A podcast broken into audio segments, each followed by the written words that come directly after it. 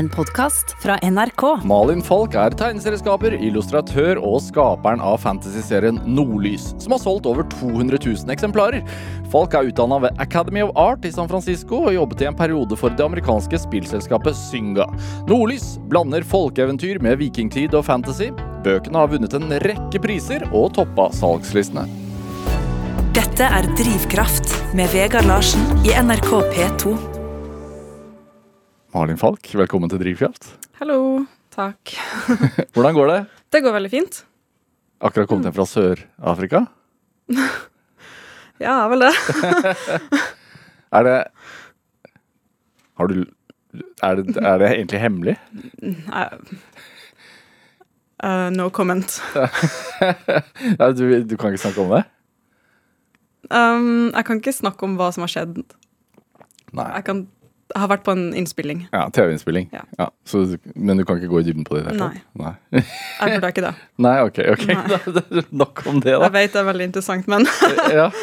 Um, uansett, du skal være med på et TV-program som kommer til høsten, eller noe sånt, men som er helt uh, taushetsbelagt. um, Altså, det finnes jo artikler om det der ute. Ja. Um, jeg kan si at det er Solveig Kloppen og Tuva Fellmann som er programledere. Ja. Uh, så mye kan jeg si, i hvert fall. Og så kan folk google seg frem hvis de vil. ja. Hvordan har det vært å komme tilbake til Norge?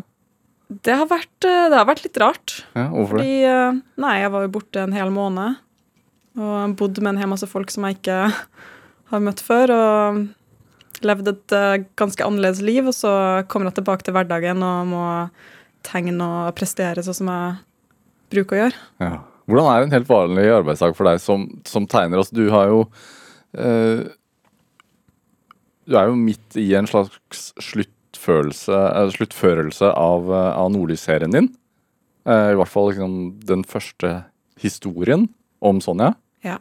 Eh, men hvordan er en arbeidsdag for en tegneserieskaper når du lager bøker sånn som du gjør? Vel, eh, det har endra seg litt over årene. Um, nå jobber jeg jo hjemmefra, som sikkert veldig mange andre også. Um, våkne opp, ikke så veldig seint, klokka åtte kanskje. Um, lage meg frokost, kaffe, og så ser jeg litt på YouTube. Og så, når jeg er ferdig med å spise, så setter jeg meg ned med Hva ser du på YouTube, Og mye forskjellig. for eksempel? Um, veldig mye sånn eh, øh, På YouTube så er det veldig vanlig for folk å liksom kommentere på andre videoer og kommentere på andre skapere og sånt, så jeg ser veldig mye på sånne ting. Men altså, det kan være reise eller mat eller uh, dyr. Jeg vet ikke, jeg har mange interesser som jeg liker å liksom følge med på. Det kan være gaming. Veldig glad i å se på gaming-stuff på YouTube. På morgenen? Det er ikke så viktig hva det er, jeg bare vil ha liksom noe um, visuelt og noe lyd på morgenen. Jeg bor jo alene, så det liksom er litt deilig å få litt sånn stemning i huset. Det er kanskje min versjon av radio eller TV. Ja. Mange folk ser på det før de drar på jobb. Jeg ser på YouTube. Um, og så, um, da rundt i nitida, setter jeg meg ned og begynner å tenke på hva enn jeg skal tenke på på Nordlys. Og da kan jeg liksom velge litt hva jeg skal begynne med. Sånn jeg kan skisse, eller jeg kan uh, gjøre ferdig noen sider som allerede har skissa. Det er litt spørs hvilket humør jeg er i. Um, det er mye vanskeligere å skisse og skrive enn det er å bare gjøre ferdig en side. Så det, jeg må være i et ganske bra humør for å kunne skisse og skrive på historien, føler jeg. Men hvis jeg bestemmer meg for å gjøre det, så kan jeg ofte jobbe frem til sånn tolvtida eller noe sånt. Da tar jeg ofte en liten pause, drar på treningssenter eller gjør noe annet. Og så kommer jeg tilbake, spiser lunsj, og så fortsetter jeg å jobbe på hva enn jeg holder på med. Kanskje jeg er litt sliten av å kysse nå, så da kanskje jeg tar og linjer litt istedenfor, eller fargelegger eller gjør noe annet, for at det tar litt mindre sånn hjernekapasitet å gjøre det. Og så um, rundt i sånn, jeg vet ikke, fem-seks-tida så avslutter jeg det å Ja, da tegner jeg ikke mer på Nordlys og lager middag. Og så kvelden så ja, spiller jeg kanskje spill, eller Hva spiller du? Akkurat nå spiller jeg Elden Ring. Um, det har jeg gjort ganske lenge, for det er et veldig stort spill. Jeg klarer ikke å bli ferdig med det. Tidenes vanskeligste spill? Er det det? Uh, jeg vil ikke si det er tidenes vanskeligste spill, men um, det, for meg, som ikke er så flink til det, så er det ganske vanskelig, kanskje. Men det, det er veldig fint. Jeg syns det er veldig inspirerende. Sånn det, Hva slags spill er det? det, det er sånn open world-spill der du, du går rundt og dreper monster og har sverd og rustning og um, Ja, det er sånn, veldig sånn fantasy um, Fantasy-basert uh, Det er jo George R. R. Martin som har skrevet litt for det, og Mannen som har skrevet uh, han som skrev Game, ja, Game of Song of Ice and Fire. Ja. Uh, så Nei, det For dem som har spilt sånne typer spill, så skjønner de litt uh, hva greia er, kanskje, men det, det er på en måte sin e egen type spill. Det er veldig sånn kampbasert. Du må være, være veldig flink til å bruke kontrolleren og bli flink til å liksom Du må bli flink til å spille spillet, rett og slett. Det er en sånn ting du må øve på. så jeg har gjort det i noen måneder. Um, og det er veldig gøy. Jeg synes det er fint å ha et litt avbrekk på slutten av dagen, fordi da er jeg Tegning tar ganske mye energi og, og hjernekapasitet, som jeg sa i stad. Mm. Uh, kan bli veldig sliten av det. Jeg vil helst ikke ende opp med at jeg begynner å hate å tegne, så da må jeg nesten gi meg sjøl litt sånn gulrøtter på enden av dagen. Ja. Noen ganger så um, møter jeg venner og sånn på kvelden nå, istedenfor ja, ja, det er litt spørs. Men er det ikke Altså, den meditasjonsbiten av å tegne, har du ikke den lenger? Ja, det er et godt spørsmål. Um, jo, hvis jeg tegner Jeg har det ikke når jeg tegner nordlys. Det klarer jeg ikke noe mer. Det er for mye prestasjon, og jeg må vise det til redaktørene mine, og det skal, det skal gis ut. Så jeg klarer liksom ikke helt slappe av med det. Um, Tegner du digitalt? Um, med mindre jeg gjør det veldig veldig bra og tegner en bakgrunn og jeg, jeg koser meg med det. Noen ganger så skjer det òg, men um, spesielt nå som det er en sånn avsluttende greie, så må alt passe veldig veldig bra for at boka skal avsluttes på en bra måte, og at folk skal, kan se på det her som en slags avslutning av den første delen av historien. Mm. Det må være det kan, Jeg kan ikke um, Bok nummer seks del to, er det riktig? Ja, det er det, Ja, det heter Portal 3 del 2, men Ja. det er bok nummer 6. Ja. ja. Det er vel litt forvirrende. Det gir litt mer mening når den kommer ut, tror jeg. Hva tegner du på? Er det en Mac eller en pad, eller hva? Jeg har en Mac uh, som er koblet til et tegnebrett som heter Wacom Cintiq. Um, og det er liksom Det, er som det ser ut som en, en stor skjerm jeg tegner med en digital penn på. Det blir som å tegne vanlig. Sånn man må kunne bare tegne for å bruke den. Det er ikke noe sånn magisk eh, sånn eh, ja, tool for å bli bedre. Mm. Hvor lang tid bruker du på en side, da? Um, to dager, kanskje, hvis jeg jobber effektivt. Tre dager hvis jeg jobber vanlig. Um, ja, det vil jeg si. Ja. Det tar ganske lang tid. Men um, jeg jobber alltid med flere sider samtidig, så det er aldri sånn at jeg helt vet. Og dessuten, det er veldig stor forskjell på noen sider. Um, noen sider har bare et par bakgrunner som jeg gjør raskest, og så har noen andre sider kjempemasse karakterer som, og masse paneler. Og det er det vanskeligste. Det tar lengst tid. Mm. Så det er veldig stor forskjell. Hvis vi skal oppsummere Nordlys for de som ikke har lest bøkene eller vært borti de, hva, hva handler det om? Uh, Nordlys er en portalfantasy som handler om uh, Sonja, som er 14 år gammel. Og det at det er en portalfantasy, det betyr at det er Det forskjellige vil virkeligheter, da. Ja, det vil si at uh, det er sånn, litt sånn som eh, Narnia. At liksom hovedpersonene kommer fra den ekte verdenen, sånn som vi kjenner den, og reiser til eh, en eh, verden som er magisk gjennom en slags portal. Så i Narnia så er det jo klesskapet som er den portalen. Mm. I min serie så er det jo faktisk en ordentlig rund, eh, glitrende portal som åpner seg. I første bok blant annet en kongle, som Ja. du sier. En som kommer fra en kongle. For jeg prøver alltid å inkludere litt sånn nordiske elementer og ting som vi kjenner. Så kanskje hvis et barn ser en kongle i skogen og tenker åh, kunne ønske det var noe magisk innen den kongla. Eller de kan leke at det er en portal der, eller liksom tenke litt på sånne ting. Mm. Uh, ja. Så ja, handler om Sonja, 14 år gammel. Um, hun blir konfirmert i første bok, um, og hun får en, um, en brorse fra onkelen sin som har vært på reise. Eh, og den brorsa um, er ikke en vanlig brosje. Den er fra en sånn magisk verden og tilhører en eh, gutt som heter Espen, som er en sånn trollgutt. Han har trollhale. Uh, og han kommer for å ta den tilbake, men så møter han Sonja. Og um, Sonja er veldig eventyrlysten, har veldig lyst til å bli med. Og Espen også veldig eventyrlysten og inkluderende, så han tar jo med Mm. til den magiske verdenen. Og så handler det mye om hva som utspiller seg der, da. Um, og det, det går liksom det, I første boka så, så er det litt mer sånn introduksjon til den magiske verdenen, og så begynner det å komme litt sånn plott og sånn etter hvert i, i bok to.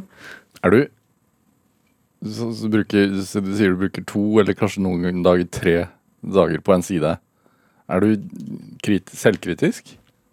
Ja, det Jeg kan bruke veldig mye tid på sidene fordi at jeg for eksempel, eksempel er stuck med dialog. Det sliter jeg veldig med. Sånn, hvis en karakter ikke sier de riktige tingene, så føler jeg nesten ikke at jeg klarer å gå videre uten å fikse dialogen, eller hvis det er en, eh, en eh, posering jeg ikke har fått til riktig, uh, jeg syns en karakter ser feil ut, så klarer jeg ikke å legge det fra meg før jeg har fiksa det. Uh, altså sånn hvis det ser stygt ut, så må jeg fikse det. liksom. Ja. Jeg, jeg klarer ikke tanken av at uh, det er noe som er uoppklart. For jeg tenker også sånn Jeg vil ikke at dette skal være et problem for fremtidige meg. Jeg vil at jeg vil fikse det nå, sånn at uh, um, den fremtidige meg kan ha det litt enklere. Ja. Så hvis det er en dialog som ikke helt funker, jeg tenker jeg tar det senere, så er det sånn, det kommer til å sitte inni hjernen min helt til jeg har fiksa det, og det kommer til å ikke føles så bra. Får du sove da? Jeg tenker, ofte, jeg tenker veldig ofte på um, plottet og sånt på når jeg skal til å legge meg og skal til å sove. Jeg tror det kanskje det er 99% av hele serien blitt skrevet mens jeg har ligget og holdt på å sovne. så jeg lurer litt på om jeg liksom kommer på noen skikkelig bra ting og så glemte det fordi jeg sovna. og jeg skriver jo ingenting ned heller, så ja. Det blir til underveis? Ja, det blir det, men jeg har planlagt ting um, Jeg ligger alltid rundt tre år foran schedule, eller tre år med plottet Mm.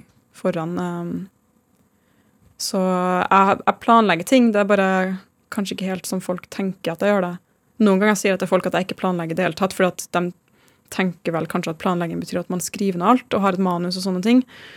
Um, men hvis det er sånn at planlegging bare betyr at jeg på en måte bygger opp mot noe og vet hva skal skje videre, så tenker jeg mye på det, ja.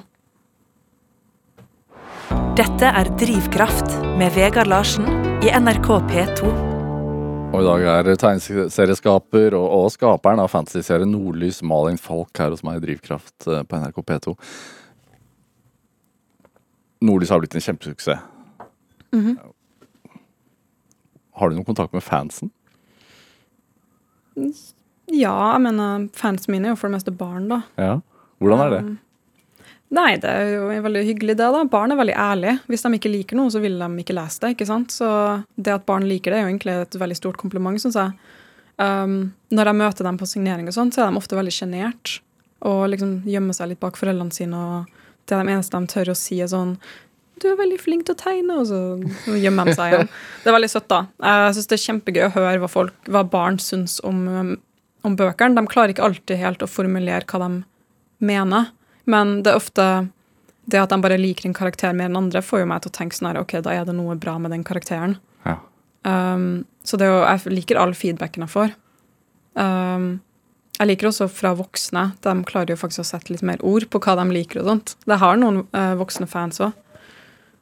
så det er veldig gøy. Um, jeg syns det er gøy å ha begge delene. Men hva, har du noe forhold til det? At du skaper et fantasiunivers for barn som de går inn i? Tanken min var egentlig ikke at det skulle være en fancy historie for barn. Det skulle egentlig være for um, folk min alder når jeg begynte å tegne Nordlys. Jeg tror jeg var rundt 22, kanskje. Jeg tenkte liksom at det her var en, uh, en, en historie som ja, folk på min alder kom til å like. For at, um, jeg tenkte at den her er altfor treg og kjedelig for at barn skal like den. Det er veldig mange som sa at begynnelsen på altså bok én er ganske treig, eller noen har sagt den er kjedelig også.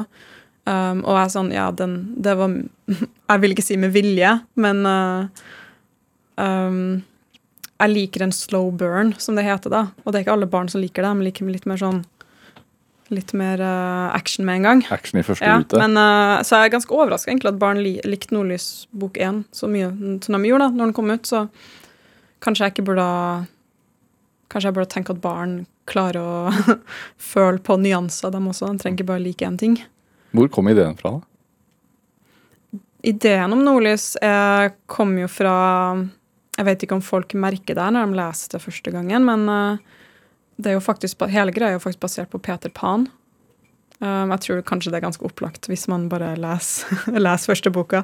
Men når jeg, jeg gikk jo skole i San Francisco, og vi hadde altså en kunstskole, og vi hadde en sånn oppgave som vi skulle jobbe på hele semesteret, eh, der vi skulle lage sånn fake concept art.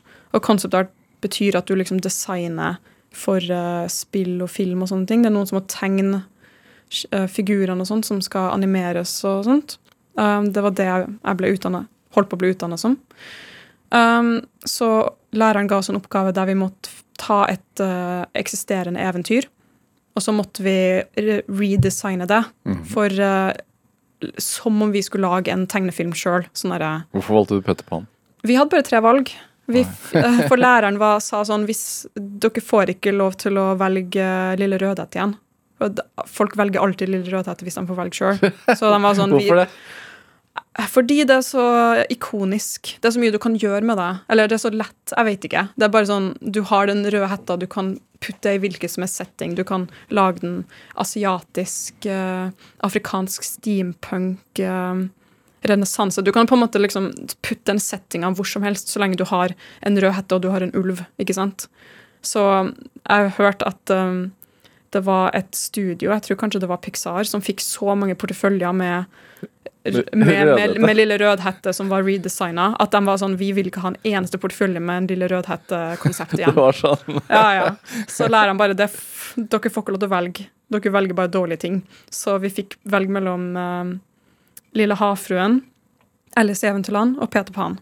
Og jeg var sånn, jeg er ikke interessert i noen av dem her. Jeg ble litt sur for at vi ikke fikk velge. Jeg vet ikke hva det valgte hvis det ikke var, hvis det ikke var for at valget var liksom tatt for oss.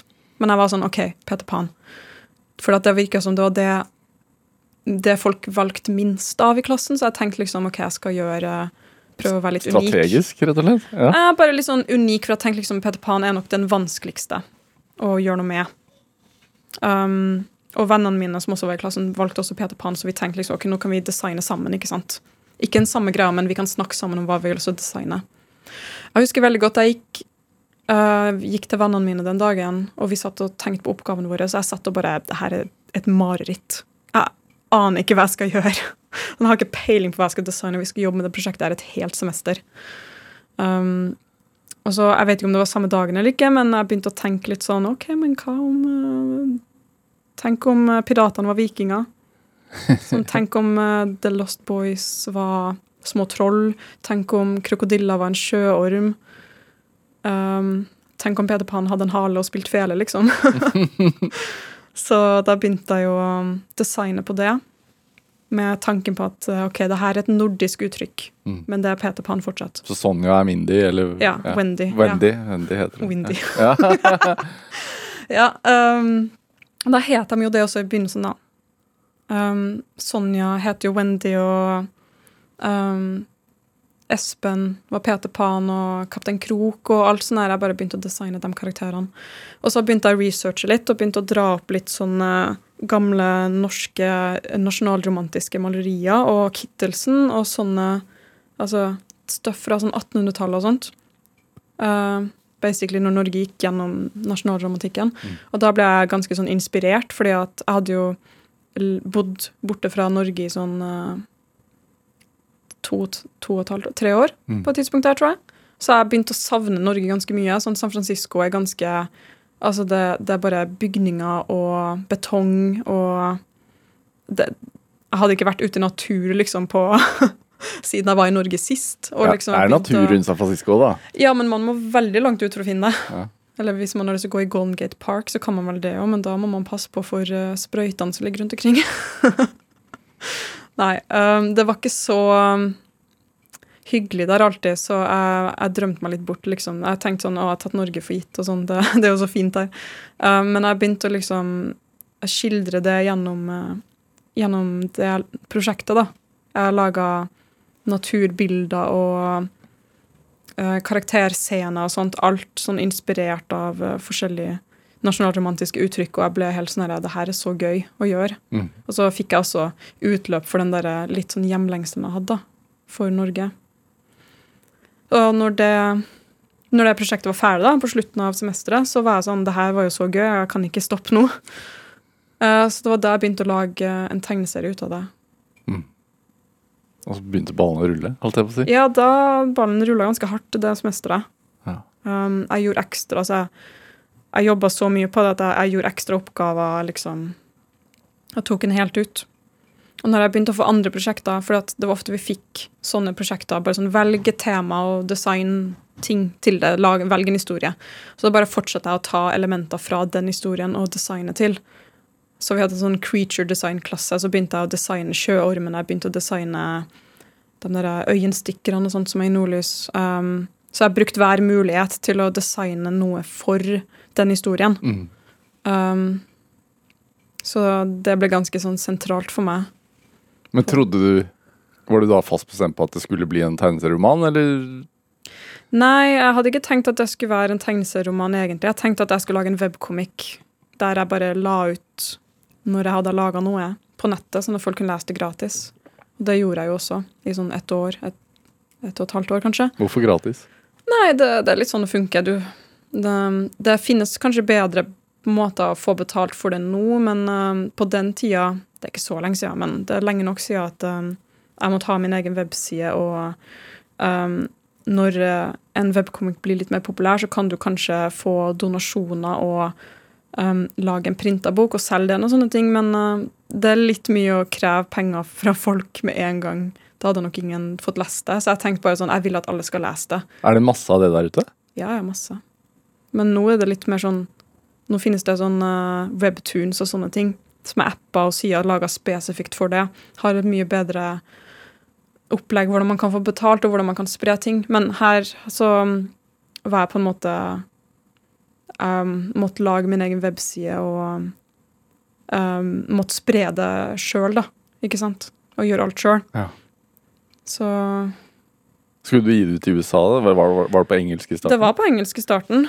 Um, gi det ut. Jeg tenkte aldri på liksom å gi det ut. Jeg tenkte bare sånn, ok, Nå kan folk lese det og sånn, se hva som skjer. For jeg hadde laga en webkomikk når jeg gikk på videregående, så det gikk ganske bra. Um, Hva handla den om? zombier. Eller var sånn, det var en tid der zombier var veldig populært. I sånn 2009-2010. Så jeg laga en, eh, en, eh, en tegneserie om et sånn zombie-apokalypse. Og så Den ble populær ganske sånn fort, husker jeg. Sånn, Den fikk ganske mye lesere med en gang. Men da var også webcomics, den type webcomics mye mer populær. Så jeg tenkte liksom gangen her, når jeg laga Nordlys, at sånn herre den kommer sikkert til å bli like populær. Sikkert mer populær, for nå er jeg bedre til å tegne og sånne ting. Og den ble ikke det. Og ikke populær i det hele tatt. Men når du sier at du gjorde dette her på, på videregående, eller var det ungdom, når var det du lagde zombie? Uh, videregående. Ja, og du la den ut på nett, Ja. og den blir ganske populær. Ja. Men da ganske populær uh, med et uh, engelsktalende publikum fra Ja. verden over. Ja. Fordi i, i norsk hva skal man si, offentlighet eller me- medievirkelighet så eksisterte jo ikke den. Nei, den gjorde ikke det, men eh, altså, jeg holdt ikke på med den så lenge. Jeg har, jeg har veldig dårlig uvane med å begynne noe, og så avslutter jeg det ikke. Ja. Så jeg tror jeg bare kom til sånn rundt 100 sider eller noe sånt, og så um, begynte jeg på skolen i USA, så hadde jeg ikke tid, følte jeg. Men det er litt min store sorg at jeg ikke fortsatte den, men når jeg også tenker tilbake på hvordan jeg hadde det på skolen, så hadde jeg nok ikke hatt tid til å fortsette den. Sendte du inn dette her til noen forlag, eller hva skjedde? Nei, nei, nei. Jeg, jeg, tror- altså, jeg, ante ikke at man kunne gi ut tegneserier. Jeg tror ikke det var en mulighet på den tida å gi ut en sånn type tegneserie. Nei, men med Nordlys, da. Nordlys. Um, Nordlys uh, jeg, uh, jeg sendte ikke den inn heller. Um, den ble oppdaga, faktisk. Um, når jeg Ja. Det var litt merkelig. Eller sånn, det var Jeg hadde Det her var mens jeg jobba på Synga og sånt. Mm. Um, Et av verdens største mobilspillselskap. Ja, eller det brukte iallfall å være det. Jeg Ja. tror de er ganske mye mindre nå, siden ingen har lyst til å spille spillene deres. Men uh, Ja, nei, det, jeg jobba på Synga, og um, um, jeg fikk en melding en dag. Det her var helt sprøtt. Uh, det var en person jeg kjente som sendte meg melding og bare sånn Er ikke det her din tegneserie som er på denne lista her over uh, serier som har fått støtte av Kulturrådet? Jeg bare Hæ? Kulturrådet? Hva er det? Og så sjekker jeg den lista, så står Nordlys der, og at den har fått sånn 100 000 kroner i støtte eller noe sånt. Jeg bare Hva? Hva? Hæ, hva? Eh, hvor, hvorfor har det skjedd? Jeg har ikke sendt inn noe som helst. Og da fikk jeg litt sånn panikk. da, bare sånn, Hva som har skjedd her? Jeg har ikke jobba på Nordlys på nesten et år. Og så er jeg på den her norske lista over ting. eh. Så jeg liksom, jeg begynte å grave i mailene mine og sånt, og fant ut at å, jeg har jo blitt kontakta for et år siden av Egmont som kanskje hadde lyst til å gi ut Nordlys, men de hadde ikke kontakta meg tilbake igjen når jeg hadde svart. Um, så jeg fant den kontaktinformasjonen. Fant uh, redaktøren Tonje Tornes. Og jeg var sånn, hva, hva er det her? Og hun bare, å ja, du skulle ikke se det. du skulle ikke se det før jeg kontakta deg om det. Men hun hadde, uten at jeg visste det, søkt om støtte på Nordlys, og så hadde de fått det. Ja. Um, og så var jeg sånn, ja, men uh, har du lyst til å gi den ut i Norge? og på det tidspunktet så var jeg sånn, ok, jeg er ganske lei av å bo i USA nå, så kanskje, kanskje jeg skal gjøre det. Dra tilbake til Norge og gi ut Nordlys og heller satse på det. Det høres mye morsommere ut. Men hvorfor var du lei? Er det ikke det Det å jobbe i Silicon Valley i et mobilspillselskap Er det ikke det mange drømmer om, da? Jo, det er kanskje det. Um, det var det jeg drømte om også. Eller jeg drømte om å jobbe på et studio. Synga var jo veldig kult også. Jeg fikk et um, internship uh, først. Så jeg jobba tre dager i uka mens jeg hadde skole også. Hva, jobb, hva jobba du med? Du... d- jeg var en konseptartist, så jeg, jeg jobba faktisk på et veldig kult team akkurat da, som utvikla nye ideer for Synga. Så jeg fikk faktisk tegne, ikke på eksisterende spill, men jeg fikk prøve å komme på nye uttrykk. Og jeg var den eneste konseptartisten på teamet også da. Så jeg fikk basically gjøre nesten hva jeg ville. Ikke helt hva jeg ville, de sa jo hva jeg skulle gjøre, men sånn um, Det er veldig mange jobber på sånne sånn entry-jobber på um, spillselskap og sånt, der du må tegne elementer de skal bruke i spill og sånt, og da får du ikke velge noe som helst hva du skal tegne, men jeg fikk faktisk lov til å utvikle noen uttrykk, og det var egentlig veldig gøy. hva, hva betyr det? At jeg får eh, altså istedenfor at kanskje de hadde jeg jobbet på et annet team, så måtte jeg jobbe for uh, Farmville, kanskje. Og så er de sånn, tegn en ku. Den skal stå i hjørnet der. Tegn den. Og så tegner jeg kua, så er de sånn, ok, den må, den må være akkurat sånn. Og så tegner jeg akkurat den kua de vil, og så setter de den i hjørnet, og så er det det. Men um, det teamet jeg jobba på, var sånn her, ok, vi skal lage et spill om uh, poker. Um, tegn et pokerrom, men du får bestemme hvordan det ser ut. Ok, så gjør jeg det. Uh, vi skal ha karakterer til pokerspillet. Tegn hvordan du vil at de skal se ut. Og så får jeg tegne dem som jeg vil, og så ser de på dem og tenker mm, ja, de er kule. Kan du tegne litt mer av den karakteren der? Kan du gi den personen der litt mer sånn og sånn? Kan du Da er jeg med på å utvikle uttrykket, Mm. og det er mye morsommere. Så jeg hadde egentlig veldig gøy i begynnelsen. Um, det bare skjedde litt sånn rare greier på Altså, det var litt sånn skummelt å jobbe der, fordi det var så um, Hva heter det? Unstable? Jeg vet ikke, det er ikke riktig ord. Ustabilt? Ja, det var sånn usikkert, usikkert, ja. For jeg kom, kunne komme inn hver dag på jobb og være sånn Hva kommer til å skje i dag? Kommer noen jeg, jeg kjenner til å få sparken? Kommer prosjektet vårt til å bli avlyst? Kommer jeg til å få sparken? Hva skjer? Kommer vi til å måtte begynne på et annet spill? Må vi flytte location? Var bare sånn, det har skjedd sånne ting hele tida. Um, etter et halvt år når jeg jobber, så hadde liksom over halve teamet mitt fått sparken. Jeg vet ikke hvorfor, det var skikkelig drama når det skjedde også. Um, vi ble flytta til, et- til et annet sted. Vi måtte jobbe på andre typer spill som ikke var like gøy. De eh, downsiza så mye at um, egentlig så teknisk sett så jeg tror de var på vei til å gi meg og sparken. Og da var jeg sånn her, hva skal jeg gjøre da?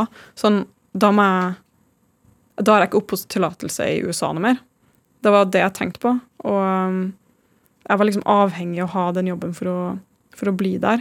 Jeg var sånn, jeg er verdt ingenting her, faktisk, fordi en concept artist som eh, Altså, jeg hadde liksom den laveste rangen av alle.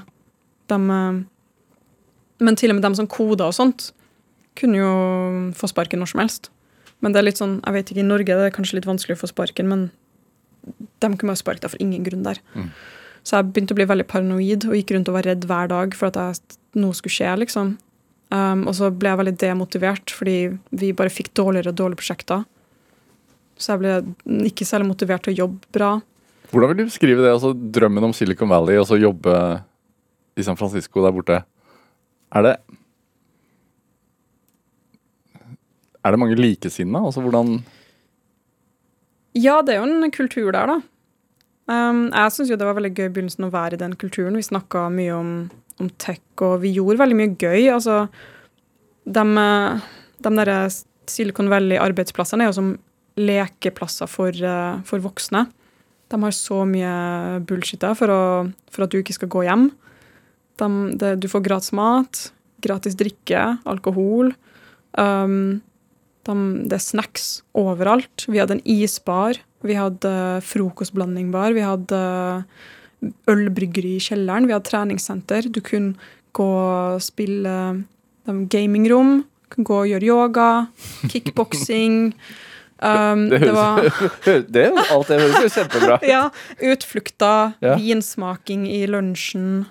Um, vi laga margarita på ettermiddag. Jeg vet ikke. Jobba dere Vi Jobba vi nå? Ja, vi gjorde det. Um, for, uh, det høres ut som vi ikke gjorde det, men um, det var mye arm lengre arbeidsdager der enn på en vanlig arbeidsplass. Det var litt sånn i hele gjennomsnitt sånn ni timer, kanskje, på en arbeidsdag, men du gjør mye bullshit også, da, så kanskje det jevner seg ut litt. Men um, jeg bare til slutt Det bare begynte å føles så tomt, da, å gjøre alle de tingene.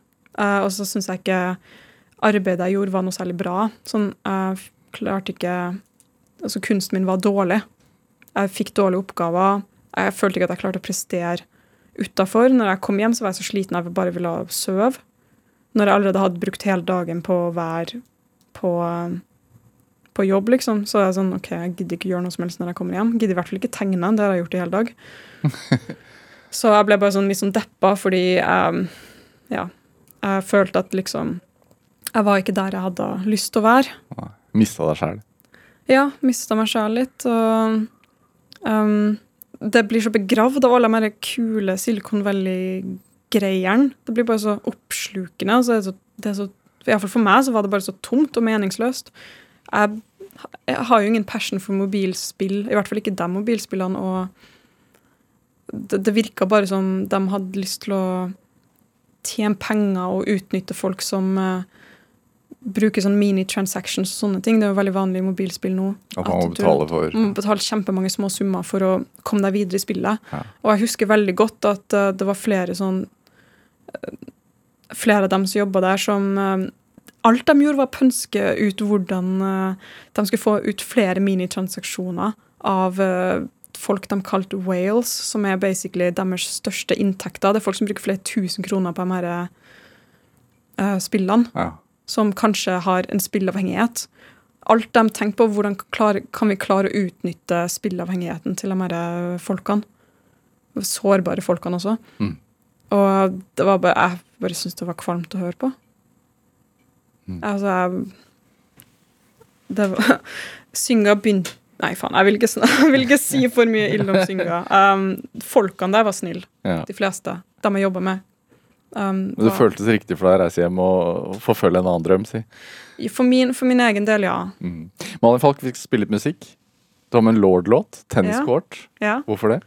Um, den sangen hørte jeg veldig mye på når jeg bodde i San Francisco. Jeg bare Hver gang jeg hører den, så tenker jeg bare på San Francisco. basically. Jeg bare gikk rundt og hørte på den ganske mye. Så jeg er en sånn person som hører i hjel en sang hvis jeg liker den. Så ja. Det er San Francisco-fil for meg. Don't you think that it's boring how people talk?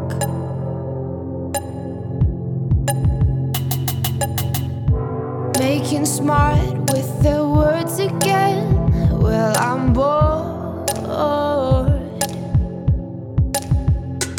Because I'm doing this for the thrill of it, killing it. Never not chasing a million things I want.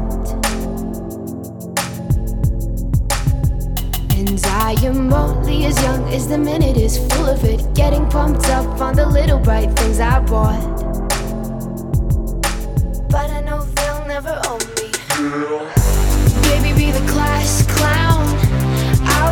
Beauty queen in tears. It's a new art form showing people how little we care. We're so happy, even when we're smiling out of fear. Let's go down to the tennis court and talk it up like yeah. Pretty soon I'll be getting on my first plane.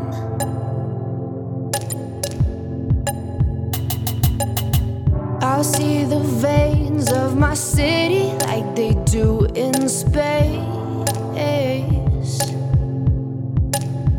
But my head's filling up fast with the wicked games up in flames. How can I fuck with the fun again when I'm known? And my boys trip me up with their heads again, loving them. Everything's cool when we're all in line for the throne. Not forever. Baby, be the class clown. I'll be the beauty queen in tears. It's a new art form showing people how little we care. We're so happy, even when we're smiling out of fear. Let's go down to the tennis court and talk it up like yeah. It looked alright in the pictures.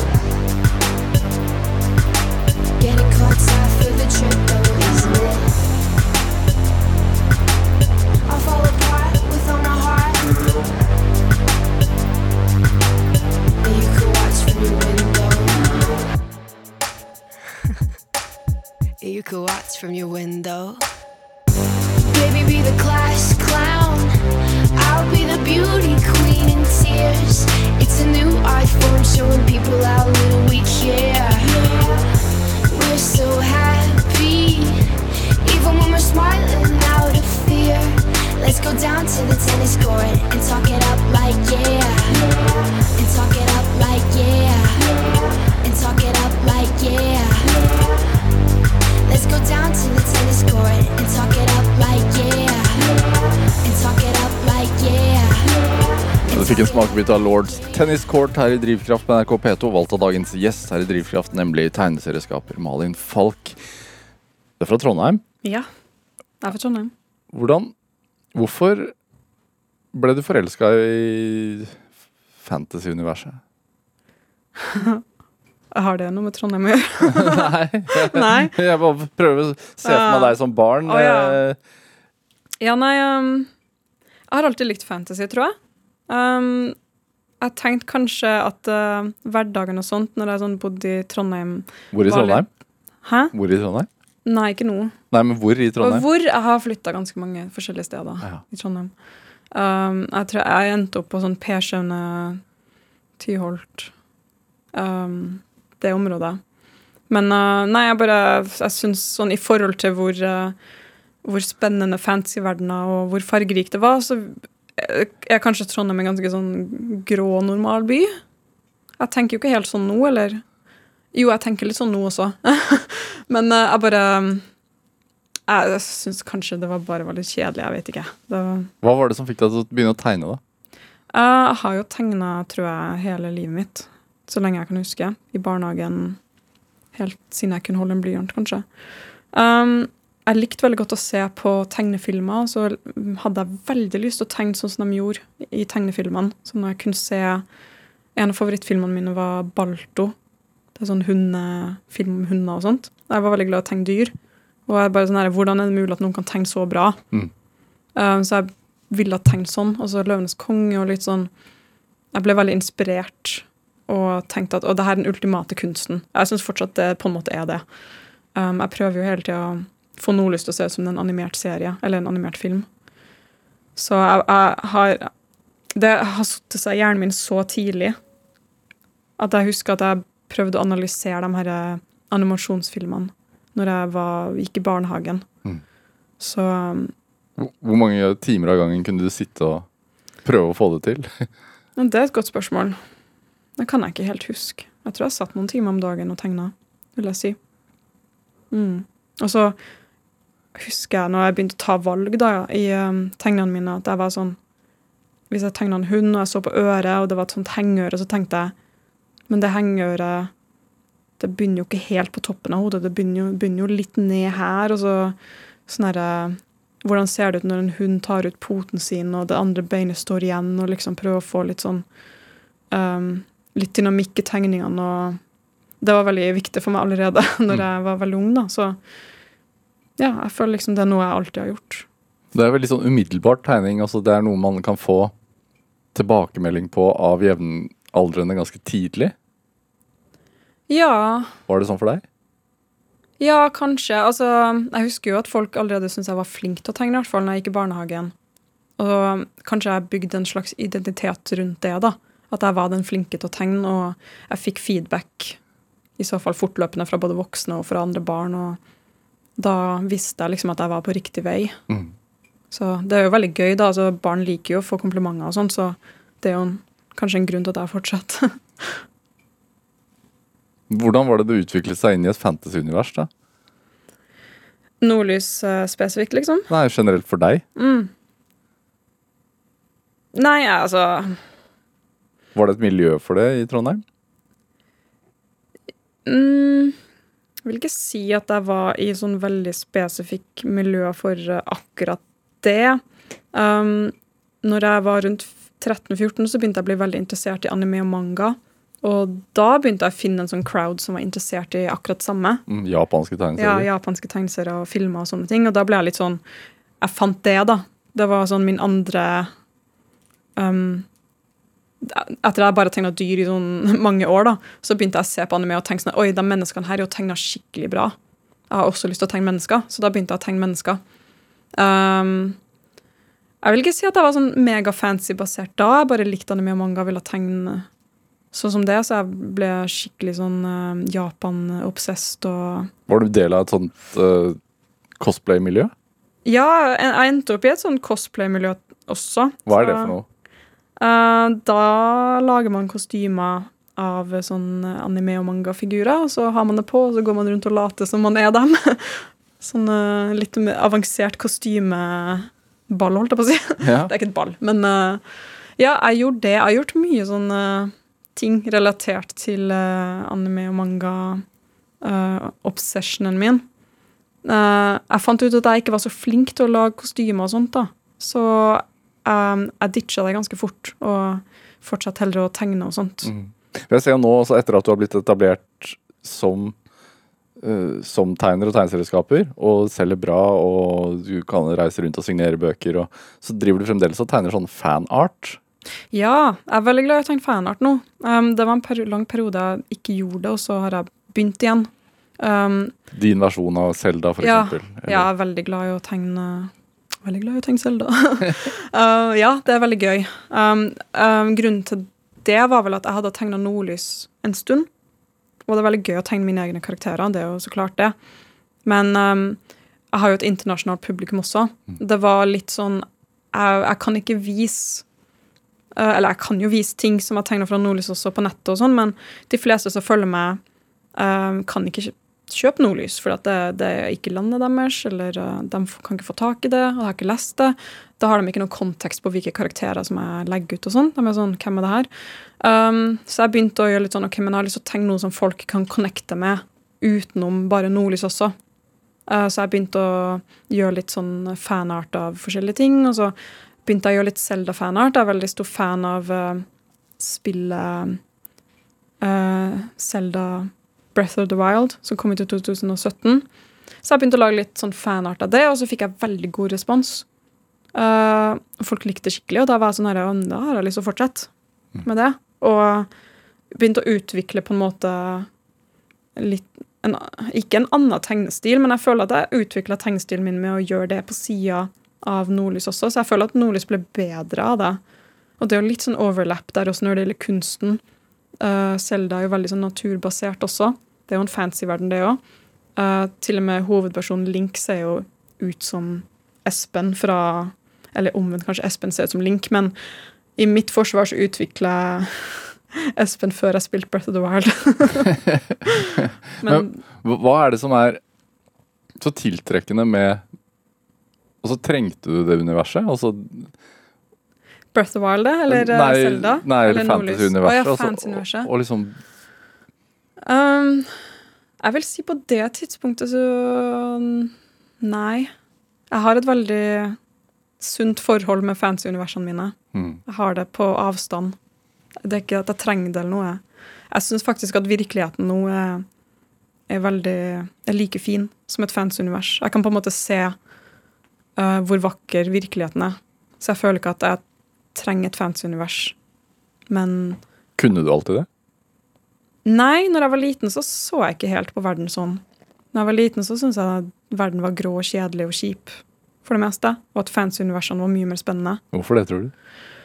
Nei, jeg jeg var kanskje litt utilpass med hvordan jeg var. og liksom, Jeg hadde jo spesielle interesser og var litt sånn sær og ble utestengt noen ganger og liksom hadde ikke alltid så bra når jeg var barn.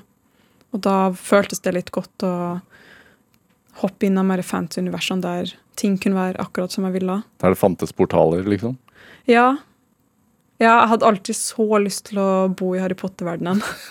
Veldig stor fan av Harry Potter da jeg var liten. Så Men nå så Ja, jeg ser ikke på det sånn noe mer, men det var veldig fint, da. Sånn jeg håper unger kan lese Nordlys og på en måte få den samme erfaringa. For at det, man kan jo begynne å se verden på, den virkelige verden på en mye bedre måte hvis man har uh, en referanse på hvordan man vil at det skal være. Mm. Hvis du skjønner? Er det en målsetning med bøkene? Med historien? Nei, jeg har ingen mål med bøkene. Har, har du ikke det? Nei, jeg har ikke det. Er, er det sant? Mm. Men når du setter deg ned og finner på en historie, Ja. så det er det ren underholdning som ligger i bunnen? Nei, det er kanskje litt mer bare um, at jeg vil at det skal være uh, Ikke Ja, på en måte underholdning, men også Det skal bare føles fint å lese. Det skal føle at um, leseren fikk noe ut av det, men jeg vil ikke Jeg er litt imot å sette ned veldig sterke, spesifikke moraler og sånne ting, som barn ofte får uh, i uh, media sånn veldig spesifikke ting som fordi at foreldre vil at barn skal lære seg sånne ting. Så jeg tenker det her er, det her er fritt for det. De får lov til å se på Nordlys og tenke sjøl hva de har lyst til å vurdere. Sånn kanskje de hata en karakter først for at han var en bad guy, og så, når vi blir kjen- bedre kjent med den karakteren, kanskje han ikke er så ille likevel. Kanskje hovedpersonen gjør noe som ikke er så greit. Um, kanskje det ikke er noe supert som skjer på slutten som gjør alt bra igjen. Kanskje permanente ting skjer som er fæl, men som karakterer må leve med, for det er sånn det er i virkeligheten. Har du hatt andre opp, altså, Siden du begynte å tegne allerede på barneskolen, og nå lever av det, eh, og det er jobben din, har du hatt noen andre Vurdert noen andre retninger? Um, noen andre retninger enn å skrive bøker? Ja. Ja, vel, jeg skulle jo bli concept artist. ja, men Drive med tegning, da. ja, noe annet enn tegning? Mm. Oh, um, nei, jeg visste ikke hva jeg skulle bli før jeg gikk siste året videregående. Og fant ut at det gikk an å begynne å tegne da, sånn på den måten. Uh, jeg visste ikke at concept art fantes før da. Og da så jeg de tegningene og var sånn Hæ, folk kan leve av det her og tegne det her? Det vil jeg også. Um, og da begynte jeg å se på skoler i utlandet og sånt. da. Ja. Det var sånn du kom til San Francisco? Ja, jeg tror jeg søkte Art Schools in California, for jeg ville til California. Men det viser seg også at California er faktisk den staten som har mest de beste kunstskolene. Så jeg, var, jeg hadde riktig der, men jeg visste ikke det da. Jeg bare ville til California. Og jeg visste ikke at San Francisco var i California engang, men det det. Så, men jeg kjente også en person som gikk på den skolen da, som var på samme forum som meg, som vi har tegna sammen før. Så han kunne fortelle meg litt om skolen og si om det var bra eller ikke, og han hadde bra ting å si. De hadde heller ingen uh, porteføljekrav. Jeg trengte ikke vise noe portefølje. De var veldig sånn slack med papirarbeidet. Du måtte ikke sende inn til en viss dato eller noe som helst. Og det var veldig brukbart for at jeg kom veldig sent, altså, jeg begynte veldig seint i søkeprosessen. Mm. Uh, og jeg kunne også få støtte fra Lånekassen. Det var også et, fakta, et faktum som jeg måtte, jeg måtte tenke på. For jeg ville egentlig gå på en annen skole, men jeg fikk ikke lån til å gå på den skolen, så da kunne jeg ikke gå der. Um, så det var mye faktorer som, måtte, som uh, jeg måtte tenke på da, for å finne den rette skolen, men den her oppfylte all, alt. Og jeg er veldig glad at jeg dro til den, faktisk. faktisk. Fikk veldig gode venner. Hadde fine opplevelser og um, angrer ikke et sekund på at jeg gjorde det. Alle barn tegner jo. Ja. Hvorfor er det noen som slutter? S- Jeg vet ikke. Nei, um, de blir vel interessert i andre ting, da. Um, ja, jeg tror det er bare det. Hvorfor De- slutta ikke du, da? Nei, jeg slutta aldri å være interessert. Og så Jeg visste at jeg var litt bedre enn gjennomsnittet, og da syntes jeg det var enkelt å fortsette. Bare Tror du det er, er det genetisk, eller kan man lære seg det? Jeg vil ikke si det er genetisk, men jeg har ikke noen kunstnere i familien min. Så um, Så jeg tror ikke det er genetisk. Men familien min Jeg vil si de er kreative sjeler som kunne ha blitt veldig flinke hvis de hadde fortsatt å tegne sjøl. Mhm. Men um, Nei. Hvorfor slutter folk? Jeg syns bare det var gøy å tegne. Det er jo gans- ganske viktig at det skal være morsomt. Mm. Um, det er mange som sier at de angrer på at de stoppa og sånt, da.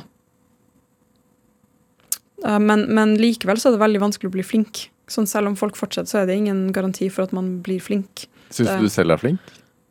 Ja Ja, ja. Ja. Ja, ikke til alt, men um, Jeg gjør.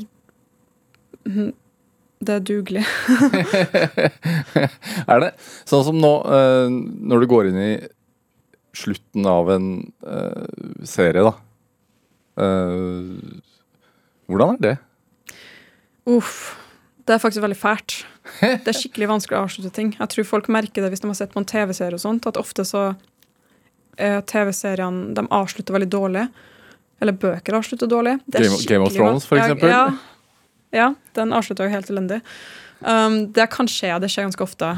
Um, så jeg vil si det er vanskeligere, men um, hver gang jeg står fast med et problem i serien, så tenker jeg bare forenkle, forenkle, forenkle. Fordi jeg syns det er mye bedre og istedenfor at jeg skal skrive om alt jeg har tenkt på, eller eh, blåse opp historien med en hel masse greier, at jeg tenker kan jeg ta noe ut herfra, blir det enklere da? Blir det, burde jeg fokusere på en annen her? Noe som er litt bedre? Bare sånn fokusere på en karakter. Sånn, Istedenfor å fokusere på sånn 15 forskjellige karakterer i en bok. Kanskje ok, det er en avsluttende ting, kanskje jeg burde mest fokusere på de to her karakterene, for det er dem som er viktigst for serien. Og det alt det andre er ikke like viktig. Um, det er jo ikke hele avslutninga, så jeg trenger ikke å lage en 100% avslutning heller. Det hjelper jo. Men uh, jeg tenker alltid bare nå, nå har jeg gjort veldig mye avanserte greier i de forrige bøkene. Veldig mange karakterer, veldig mye som skjer. Um, I boka her vil jeg veldig fokusere på hvordan det var i begynnelsen, når det bare var de veldig få karakterer, da. Mm. Um, så det går litt sånn til begynnelsen. Det er jo veldig vanlig å gjøre når man skal avslutte noe. Du du snakket jo om i San Francisco, du hadde jobbet på Synga, at du likte godt å jobbe i team. Eh, ja, jeg gjorde det. Nå jobber du jo helt aleine. Ja. Hvordan er den Nå jobber jeg alene. Jeg syns det var veldig vanskelig å jobbe alene i begynnelsen, når jeg begynte med det for sånn fire-fem år siden. Um, da var jeg veldig ensom. Jeg syns det var veldig vanskelig. Men nå så er det jo flere folk som gjør den samme type tegneserier som jeg gjør, da. Um, som er på min alder, og som også bor i Oslo, som jeg henger med ganske ofte. Så jeg har noe jeg vil kalle kollegaer og venner og sånt nå, og det hjelper jo utrolig mye. Hvorfor det? Nei, ja, nå har jeg noen å snakke med. Om uh, de forstår akkurat hva jeg mener når jeg sier uh, det jeg sier. Det er veldig få folk som forstår, kanskje bortsett fra redaktørene, og sånn, men til og med dem lager jo ikke bøkene sjøl. Så det er bare utrolig deilig å snakke med dem. Og det, jeg syns det er fint å kunne vise litt sånn sårbarhet overfor dem, fordi jeg syns det er veldig vanskelig å vise sårbarhet overfor forlaget, fordi de forventer jo veldig mye, og jeg må, føler jeg må, jeg må jobbe hardt for å imponere dem, og litt redd for å bli ditcha hvis de begynner å merke at jeg ikke klarer å jobbe like hardt som før. Men når jeg snakker med de andre tegnevennene mine og jeg har bekymringer, så forstår de med en gang hva jeg, hva jeg mener, for de går akkurat gjennom det samme. Så vi kan på en måte lide litt sammen. Og det er ingen av oss som uh, Iallfall som jeg føler, da, som uh, har lyst til å jobbe oss i hjel for det her. Nei. Så det hjelper, hjelper veldig, da. Filmrettighetene til serien din er jo solgt. Ja. Bl- Blir det film? Jeg håper det. Håper det. det går veldig tregt. Ja. Ja, jeg har ikke hørt så mye, så jeg vet ikke helt hva som skjer. Klarer du da å gi fra deg uh, tegnejobben, eller hvordan blir det der? Um, ja, jeg føler at tegnejobben kan jeg heller gi fra meg, men um, jeg har veldig lyst til å være med og skrive uh, med manuset, fordi uh, jeg har en Jeg har tenkt ut en versjon som funker for film. Um, Altså Det er ikke bare en filmatisering av bøkene? Nei, jo, det er jo det, men jeg har funnet en, en måte å dele opp bøkene på, sånn at det kan bli en film eller to. Um, som jeg tror er lur å gjøre hvis det skal bli film. Så jeg vil veldig gjerne være med på skriveprosessen. Og tegneprosessen Jeg føler liksom at jeg allerede har laga ganske mye som man, de bare kan se på, hvis Ja. de lurer. Det er jo bakgrunn av karakterer og alt det og konseptarter nesten allerede. Så Men eh, ja, skriveprosessen vil jeg virkelig Det har jeg veldig lyst til å være med på. Jeg har veldig lyst til å lage film. Det hadde vært utrolig gøy. Bare få med alt det andre man kan, altså med musikk og voice acting, og det høres bare så gøy ut. Hva med serier for oss voksne? da? Hva mener du? Nei, kommer det noe av det? Som jeg lager? Ja. Om jeg skal begynne å lage serie for voksne en gang? Um, ja, jeg har lyst til å hvis Etter Nordlys har jeg lyst til å lage noe som er kanskje for ungdom. Ikke for barn. Men jeg vet ikke. Um, jeg er ikke helt ferdig med Nordlys nå. for voksne, ja. Mhm. Kanskje ikke helt for voksne. Ungdom, kanskje. Jeg må ta det litt og litt. ja. Hva tenker du er drivkraften din, Malin Falk? Um, at jeg, jeg vet ikke. Jeg liker, jeg liker å tegne, kanskje. Jeg har lyst til å tegne bra. Um, jeg syns det er gøy å ha noe å fokusere på.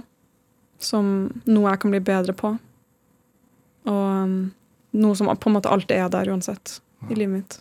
Tenker du på at noen kan forsvinne inn i din fantasiverden, sånn som du en gang trengte å forsvinne inn i en annen? Ja, det tenker jeg på. Um, det syns jeg er veldig fint å tenke på at jeg kan ha, gjøre den forskjellen for noen. Det er veldig Ja, det er veldig fint, da. Fin følelse. Malin Falk, tusen takk for at du kom til Drivkraft. Tusen takk for at jeg fikk komme. Hør flere samtaler i Drivkraft på nrk.no eller i appen NRK Radio. Send oss gjerne ris og ros og tips til mennesker som du mener har drivkraft. Send den e-posten til drivkraft.krøllalfa.nrk.no. Vi hører veldig gjerne fra deg. Produsent i dag var Ellen Foss Sørensen, og Julia Martincic gjorde research til denne sendingen. Men dette her, det var Drivkraft. Jeg heter Vegard Larsen. Vi høres. En podkast fra NRK. Forbanna drit. Den jævla penisprotesa. Jeg heter Mathias og er født biologisk kvinne. Da er jeg offisielt på min første testosterondose. Helt til nå har jeg strevd med å finne min kjønnsidentitet. Jeg har fått min tisseprotese. Jævla weird å få penis sendt i postkassa si. Dritredd for det skal komme noen og finne meg på gutterommet. Jeg kjenner meg som en 13-åring som nettopp har kommet til puberteten, og jeg har ikke peiling på hvordan ting skal være. Jeg tenker at du er klar over at jeg ser på deg som mann. Jeg ser meg ikke sjøl som en mann. Da klarer ikke å tro på at du heller gjør det. Sjukt skummelt. Jeg mangler en penis som hun er vant til å ha. Hvorfor er alle tankene mine basert på det å ha en penis? Jeg har lyst å invitere deg inn i min verden som transseksuell. Penis i posten hører du fra 9. mai i appen NRK Radio.